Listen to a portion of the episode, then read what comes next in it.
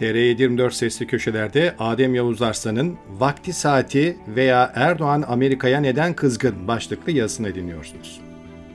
Dikkatinizi çekmiştir. Yıllardır Amerika ile arayı iyi tutmaya çalışan ve bu yüzden itidalli bir dil kullanan Cumhurbaşkanı Tayyip Erdoğan, son iki gündür adeta yaylım ateşine başladı. İlk olarak pazartesi günü kabine toplantısı sonrası kameraların karşısına geçip doğrudan Amerika'yı tehdit etti.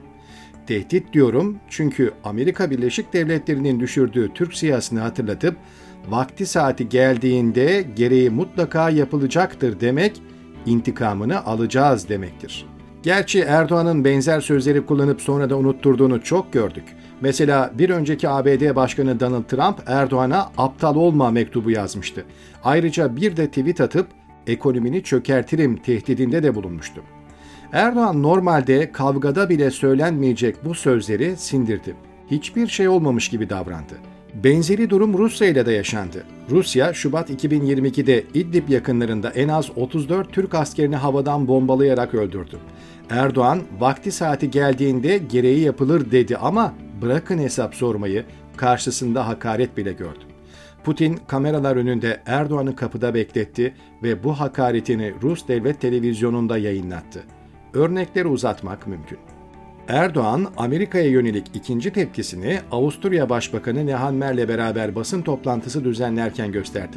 Konuşmasında prompter dışına çıkan Erdoğan, önce Gazze'de yaşanan insanlık dramına dikkat çekti ve ansızın Amerikan uçak gemisinin İsrail'de ne işi var diye sordu.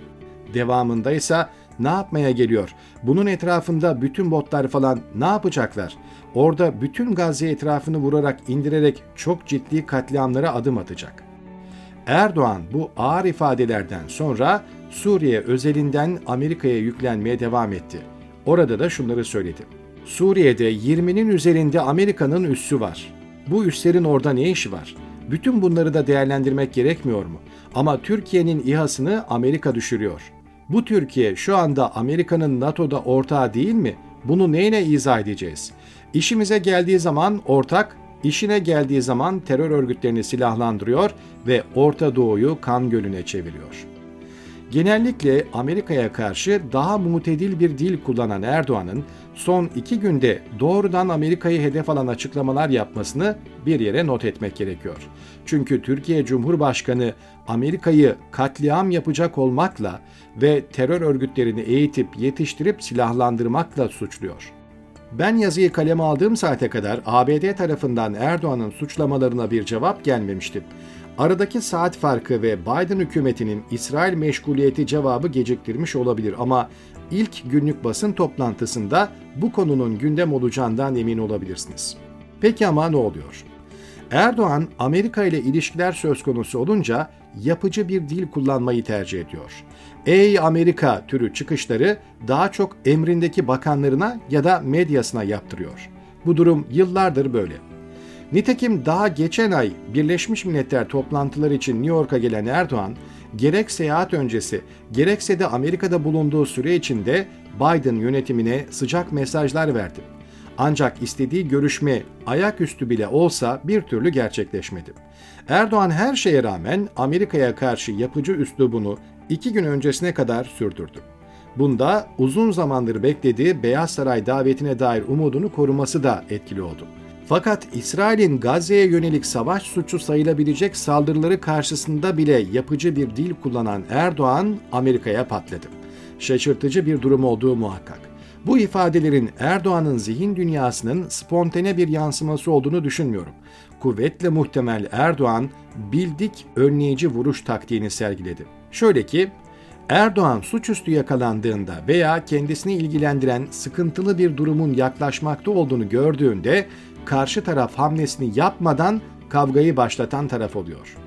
Böylece kendisi için esas tehlike ortaya çıktığında bunlar bana zaten düşman, benim icraatlarımdan rahatsız oldukları için böyle suçlamalar yapıyor demeye başlıyor.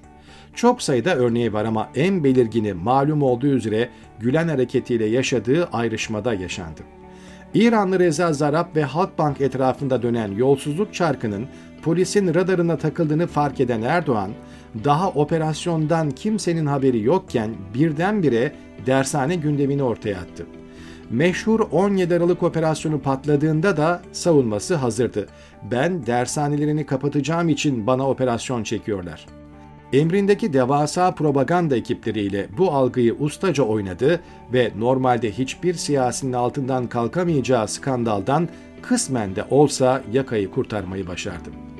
İlerleyen dönemlerde dershane hamlesini neden yaptığını itiraf etti çünkü amacına çoktan ulaşmıştı. Bugüne dönersek. Amerika Birleşik Devletleri'nin Suriye'de üster kurması yeni bir durum değil. Bölgeye ilk kez de uçak gemisi gönderiyor değil. Beyaz Saray yönetiminin İsrail olan kayıtsız şartsız desteği de kimseyi şaşırtmıyor. Çünkü bu bir Amerikan politikası.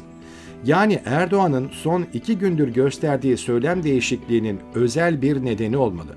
Acaba yaklaşmakta olan bir tehlikeyi gördüğü için mi söylem değişikliğine gidip tansiyonu yükseltiyor? Bence yabana atılmaması gereken bir ihtimal.